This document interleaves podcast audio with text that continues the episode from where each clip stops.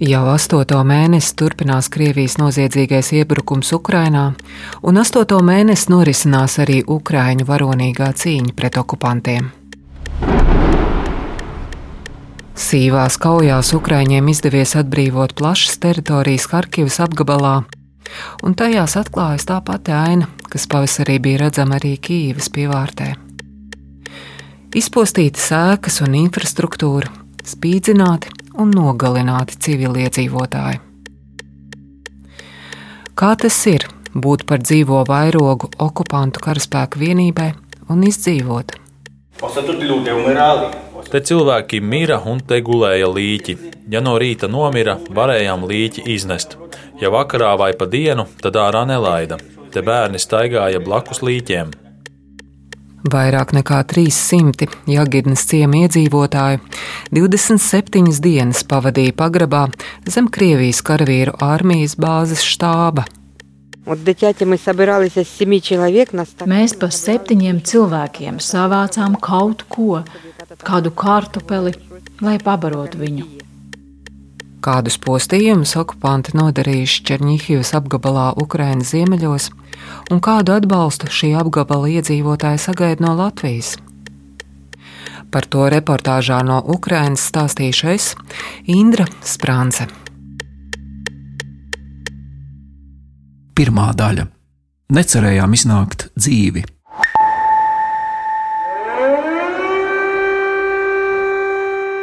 Ir 22. septembris. Atrodos Černīhivas apgabalā, Ukrainas ziemeļos, salīdzinoši netālu no robežas ar Krieviju un Baltkrieviju. Te Krievijas karaspēks iebruka februāra beigās, un aptuveni mēnesi liela daļa apgabala bija okupantu pakļautībā. Ar visām no tā izrietošajām sekām. Добрый день. Здравствуйте. Labdien!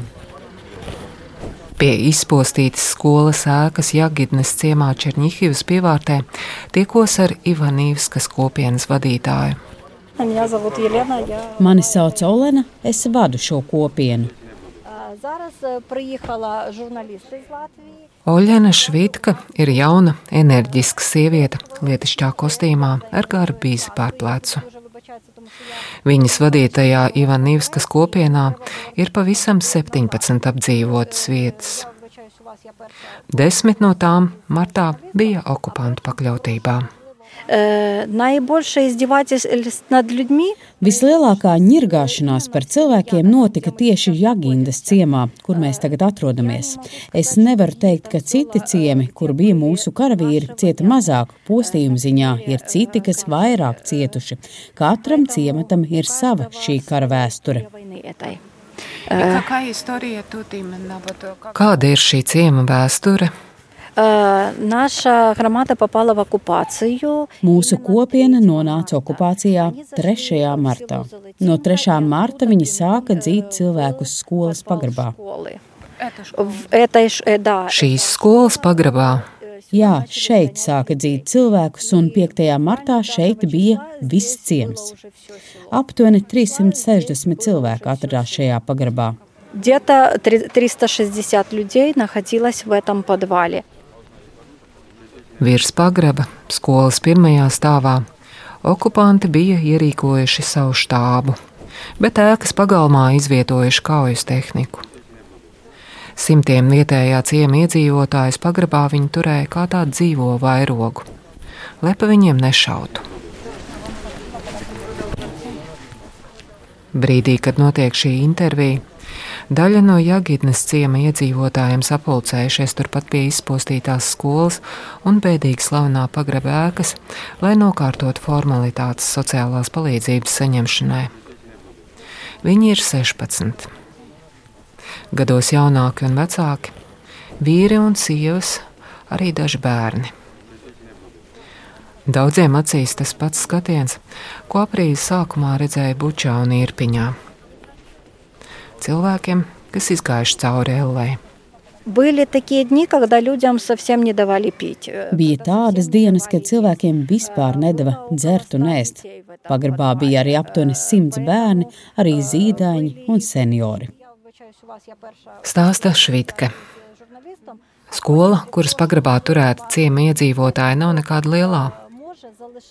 Prātam grūti aptvert, ka tās pagrabā bija iespējams satilpināt vairāk nekā 300 cilvēkus. Viņi rašistiem bija kā tāds dzīvais vairogs, lai mūsējie nešautu pa viņiem, jo skolas pirmajā stāvā viņi bija uztaisījuši savu štābu. Pagrabā sēdēja vietējie cilvēki, bet viņu štābs augšā bija ļoti smacīgs, nebija elektrības, tas viss bija tumsā. Mēnešu laikā izbeidzās lukturīši, sveces, kas bija līdzi. Cilvēki sēdēja pilnīgā tumsā. Un cik ilgi tas bija? Sāka viņi iet prom 30. martā. Gandrīz mēnesi. Gandrīz mēnesi. Pačti mēsec. Ar kādām mantām atvest uz pagrabu, ar to arī vajadzēja iztikt. Atpakaļ uz mājām vairs nevienu nelaida. Starp pagrabā turētajiem bija arī Ludmila un viņas mazmeitiņa Poļina. Ludmila ir ņipra kundze labākajos gados, bet Poļinai šobrīd ir pusotrs gads. Marta sākumā, kad abas nonāca pagrabā, meitenītē nesen bija nosvinēta pirmā dzimšanas diena. Mums neļāva ne zāles paņemt, ne produktus. Vienīgi manā putriņu izvārījām, un viņai bija trīs dienas, ko ēst. Pēc tam jau devām to, ko varējām izdomāt. Viņai bija grūti pāriet no bērnu pārtikas uz pieaugušo, bija diereja. Temperatūra pacēlās līdz 40 grādiem, smagi bija, raudāja, vēderiņš sāpēja, ļoti smagi. Nenomazgāties, pat pamperus nevarējām dabūt. Mazā poļina ir mierīgs un kluss bērns apģērusies vecmāmiņai ap kaklu. Meitenīte brīžiem uzsmaida un pieglauž galviņu pie omas svaiga. Mūsu istabā bija 19 cilvēki. Istaba bija 2 x 4 metri. Kā jūs spējāt? Es sēdēju, bērns bija uz rokām. Ja kāds izgāja ārā, varēja bērnu nolikt. Gulējām, sēžot tā, viens uz otru, atspiežoties uz pleca.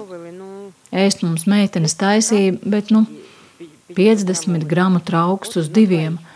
Lai saprastu, mēs pa septiņiem cilvēkiem savācām kaut ko, kādu kartupeli, lai pabarotu viņu.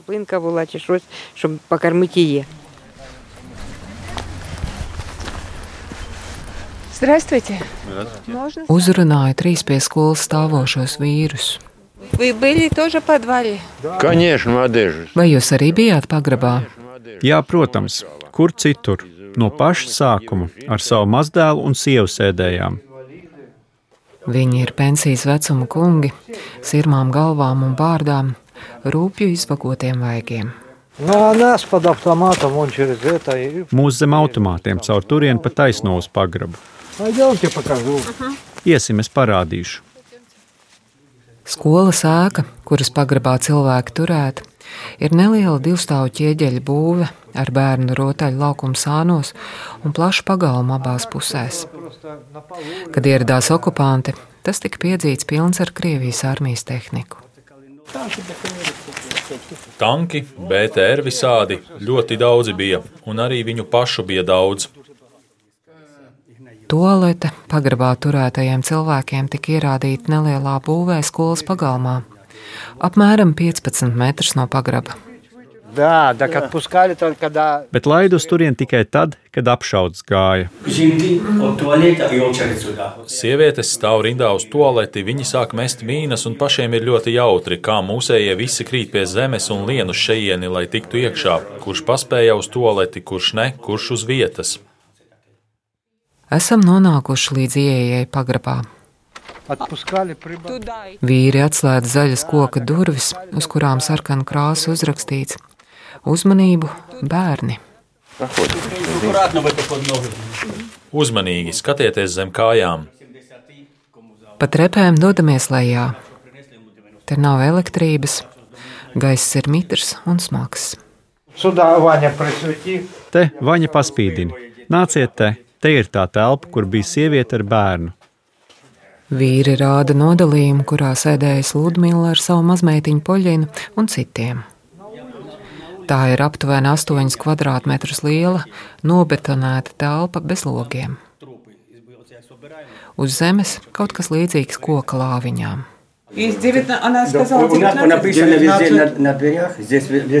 Viņa teica, 19 cilvēki. Redziet, te pie durvīm ir atzīmes. Atzīmēja, lai zinātu, cik daudz cilvēkus vajag pabarot. Te ir 22. No sākuma bija 18, pēc tam nāca klāt. Uz stenderes ar zīmolu uzrakstīts 9 plus 5. 5 nozīmē 5 bērni. Zīdains te arī bija. Viens bija piecgadīgs. Vispār te bērni mums bija gana. Cilvēki bija izvietoti nevien pa nodalītajām telpām, bet arī gaitiņos starp tām. Vietas bija tik, cik pietiek, lai apsēstos. Dodamies tālāk. Te ir pati lielākā telpa.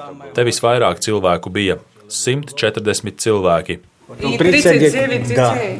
Un 39 bērni. Arī te pieaugušo un bērnu skaits atzīmēts uz sienas pie ieejas. Šī ir garena, varbūt kādus 50, 60 kvadrātmetrus liela telpa. Augšā pie griestiem te ir logi, bet tie ir aizbāzti, un tikai vāji gaismas stari vietām spīd cauri. Netālu no ieejas šajā telpā stāv vairāki krēsli. Te sēdēju es, te mana sieva, te dēls un viņa dzīves biedre. Tā 27 dienas. Lūk, sēdi un sēdi. Naktī kājas piepampušas, piecelies un pastāvi stundu, divas, lai kājas mazliet attietu, un tad atkal sēdies, tā arī guli. Te tālāk kāju spērt nevarēja. Te arī bija bērni, pieaugušie. Es nesaprotu, kā jūs to varējāt izturēt. Надежды не было, что мы обшивали отсюда живыми увидим. Necerējām, ka mēs vispār dzīvi no šejienes iznāksim. Turpat divus metrus tālāk stāvējuši arī pagrabā nomirušo cilvēku līķi. Te cilvēki mira un te gulēja līķi. Ja no rīta nomira, varējām līķi iznest. Ja vakarā vai pa dienu, tad ārā nelaida. Te bērni staigāja blakus līķiem. Čevāņi No kā viņi nomira? Palīdzības nekādas nebija. Kādam spiediens, kādam sirds, nekādas zāles mums nebija. Un no skābekļa trūkuma. Mirušie bija vecāka gadagājuma cilvēki, kuriem jau bija kādas veselības problēmas līdz nonākšanai pagrabā. Apstākļi bijuši nevien fiziski, bet arī psiholoģiski grūti izturami. Daži, kā raksturo Ivans, vienkārši sajukuši prātā. Sēž, var paņemt koku un sākt sist, kur pagadās, kliegt, mēģina kaut kur skriet. Arī ar ūdeni un pārtiku bijis ļoti trūcīgi. Strauji zaudējuši svaru. Šis nepilnais trauciņš bija uz diviem, Un ko tieši jums deva ēst? Ūdeni! Ūdeni ēst. Jā, kad bija tāda iespēja un izlaida ārpusē, tad varēja tēju iedzert. Cukuru arī varēja dabūt. Bet bija laiks, kad mūs ārā nelaida un nevarējām novārīt ūdeni. Nācās bērniem dot nenovārītu, sliktu ūdeni. Pēc tam bērniem bēdari sāpēja, temperatūra bija augsta un palīdzība nekāda. Kad okupantu brigādes nomainījušās, pārtika nedaudz uzlabojusies. Krievu pavārs esot viņus mazliet piebarojis. Okupanti paši lejā pagrabā nonākuši reti, un tajās reizēs bija ļoti jāuzmanās. Piedzērušies naktī atnāk spīdinā ar lukturīti, te bija bērni, pārlādē automātu un iedod to bērnam. Ņem bērniņu spēlējies, Kliedza neļāva cilvēkiem. Varēja iedot bērnam paspēlēties granātu un teikt: riņķīte nevelc, buh būs!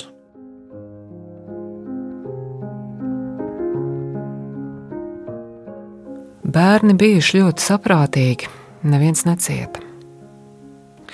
Mazie pagrabā laiku kavējuši, zīmējot uz sienām, ar krāsām un krītiņiem.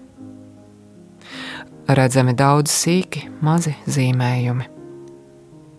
Daži ir arī lielāki, pa visu sienu. Bērni. Kad viņi sēdēja šeit, Jā, uz sienām uzzīmētas saulītes, cilvēciņi, puķis un mājas, arī sirsniņas un mazi Ukraiņas karodziņi. Dziļāk pagrabā redzams, ka uz sienām zīmējuši ne tikai bērni. Kāds ar krītiņiem uzzīmējis eņģeļus, kāda ģimene uz sienas atstājusi zīmīt, ka te atradušies nosaucot savus vārdus. Vairākos pagraba nodalījumos uz sienas uzzīmēts arī Marta kalendārs. No sākuma vēl mazliet orientējāmies laikā, bet vēlāk jau sākām jaukt datumus, diena vai nakts. Gaismas nebija, ārā nelaida, nebija ne pulksteņu, ne telefonu. Te mēs likām atzīmes, kad kāds nomira. Vaņa rāda uz sienas zem kalendāra uzzīmētos punktiņus. Katrs punkts apzīmēja vienu mirušo. Viens cilvēks, divi, trīs, četri, desmit, vienpadsmit. Turpat tālāk blakus telpā jau detalizētāk ar uzvārdiem uzskaitīti visi mirušie Jāgītnes ciemi iedzīvotāji. Gan tie, kas nomiruši pagrabā, gan tie, kas nogalināti okupantu karaspēkam ienākot.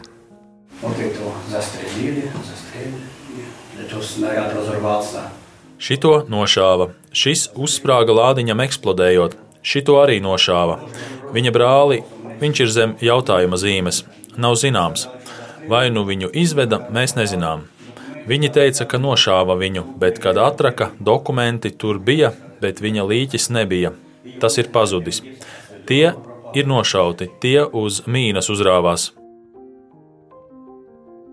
Blakus sīkiem maziem burtiņiem uzrakstīts arī kāds pantiņš ukraiņu valodā.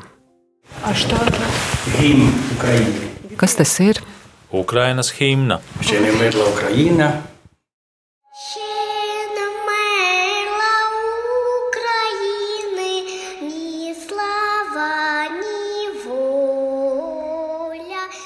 No pagraba Jāgitnes ciema iedzīvotāji tikuši laukā 30. martā. Todien Krievijas karaspēks atkāpās no Kīivas apkaimes, un līdz ar to okupanti pamet arī Černīhivas apgabalu. Taču mājas, kur atgriezties, daudziem vairs nebija.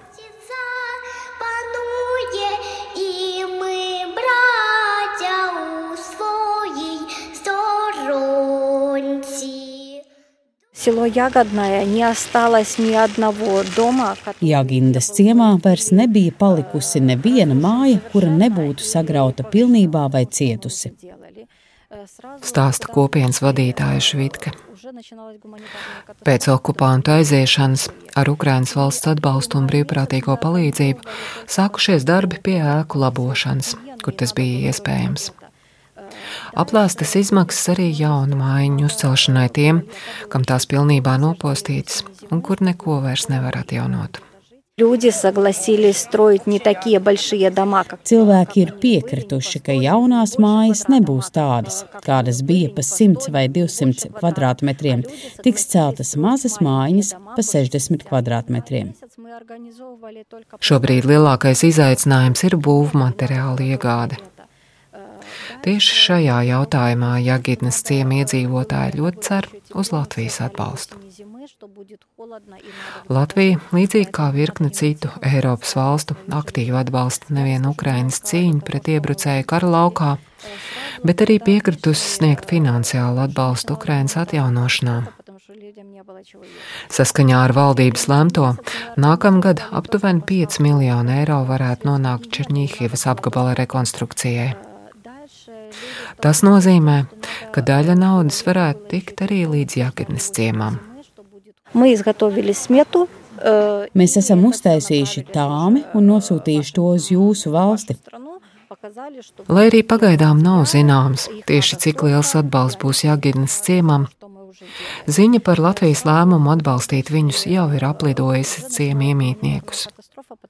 Iedzīvotāji ir ļoti pateicīgi.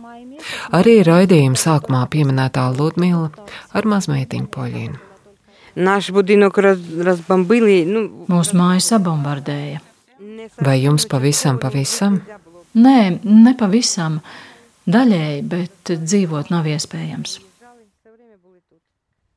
Brīvprātīgie Ludmīlas mājai solījuši nomainīt logus, bet ēkas jumts šobrīd turas uz goda vārda. Ludmila vēl nezina, kā pārlaidīs ziemu, jo apkuras sistēma pilnībā sagrauta, bet ir ļoti pateicīga, ka Latvija solījusies atbalstīt. Мы нікого не просимо, а самі набиваються нами своєю допомогою. Огромніше спасибо. Mēs neko neprasām, bet jūs paši nākat ar savu palīdzību. Milzīgs paldies jums! Dod Dievs, lai jūsu ģimenēs viss būtu labi, lai viss izdodas un nebūtu nekādu bēdu un nelaimju. І спасибо їм огромніше за велику допомогу таку нам. Otrā daļa - vaļinki būs jāuzšuj.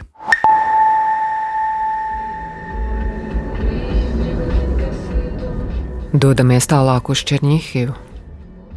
Ir jau vakarpus, kad esam sasnieguši šūšanas uzņēmumu, ko vietējie saīsinājumā dēvē par utoku. Indra ļoti patīkami. Ludmila vada Ukrainas nedzirdīgo apvienības veidot uzņēmumu, kas Černihivā nodarbina nedzirdīgus cilvēkus. Kompānija izvietojusies nelielā divstāvu ēkā netālu no Černihivas stadiona, kur 11. martā notika spēcīga eksplozija. Kad tur sprāga 500 kg bumba, eksplozijas vilnis nāca uz šo pusi. Sprādziena rezultātā ceham izsisti turpat visi logi, tādējādi faktiski paralizējot ražotnes darbu. Šajā uzņēmumā strādājošiem tas bija liels trieciens. встречаешь, люди так скучают за работой, плачут, хотят на работу. Cilvēki skuma pēc darba, raudāja, gribēja atgriezties.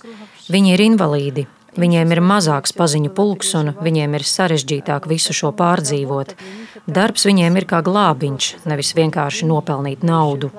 Viņiem galvenais bija atgriezties tajā normālajā dzīvē, pie kā bija pieraduši. Sākoties siltākam laikam, māja vidū šūšanas cehs atsāka darbu. Arī tagad pasūtījumi ir, izēja materiāli ir, strādāt gribētāji arī ir, bet liels izaicinājums ir darba apstākļi.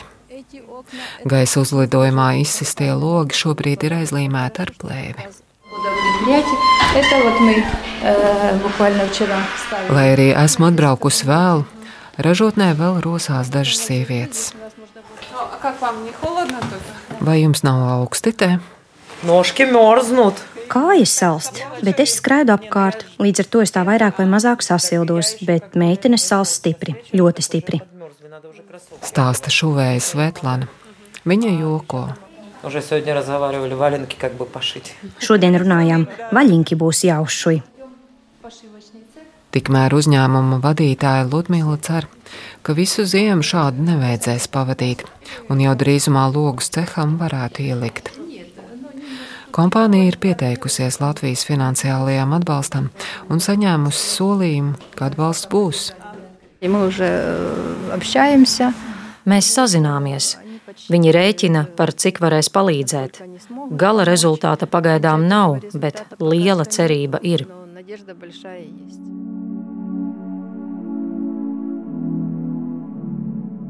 Un to, ka šis uzņēmums pavisam drīz varētu saņemt Latvijas atbalstu, apstiprina arī Černīhivas apgabala gubernators Vjačeslavs Čaus. Ar viņu tiekos tajā pašā dienā gubernatora darba vietā. Labdien! Te! Labdien, paldies! Vjačeslavs Čaus stāsta, ka okupācijas mēneša laikā Krievijas nodarītie postījumi Černihivas apgabalā ir milzīgi. un būs nepieciešami arī ļoti lieli resursi, lai to visu atjaunotu. Mēs šobrīd esam konstatējuši vairāk nekā 8000 cietušas ēkas, no tām vairāk nekā 7000 ir dzīvojamās ēkas. Tātad 90% postījumu ir dzīvojamajām ēkām. Ienaidnieks mērķtiecīgi sita par civilo infrastruktūru un dzīvojamajām ēkām. Starp izpostītajām publiskās infrastruktūras ēkām ir arī skolas, slimnīcas, sporta iestādes Daudz bijis arī nogalināto.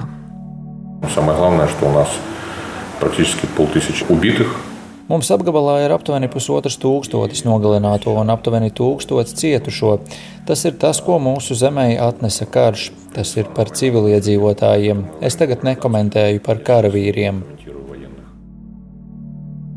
Tagad lielākie izaicinājumi apgabalā ir sagatavošanās ziemai un nopostīto ēku un infrastruktūras atjaunošana. Tie ir darbi, kuros palīdzīgu roku līdzās citām valstīm šajā apgabalā sola arī Latvija.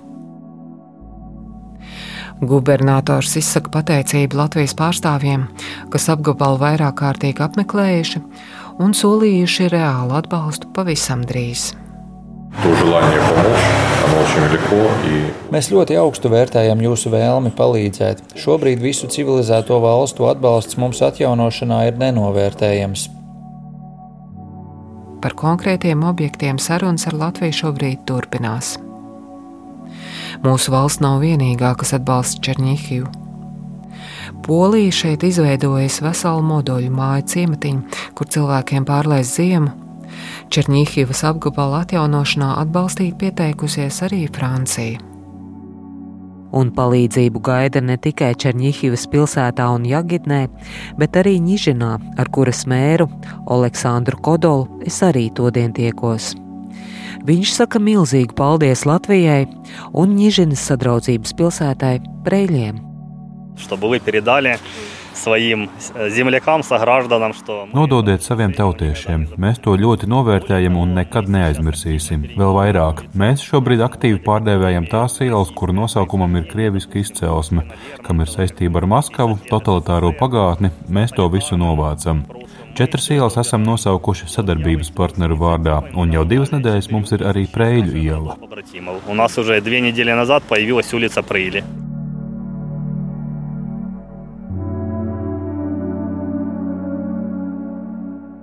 Raidījumu veidoja Indra Sprānce, Filips Lastovskis un Reinis Budze. Atvērtie faili!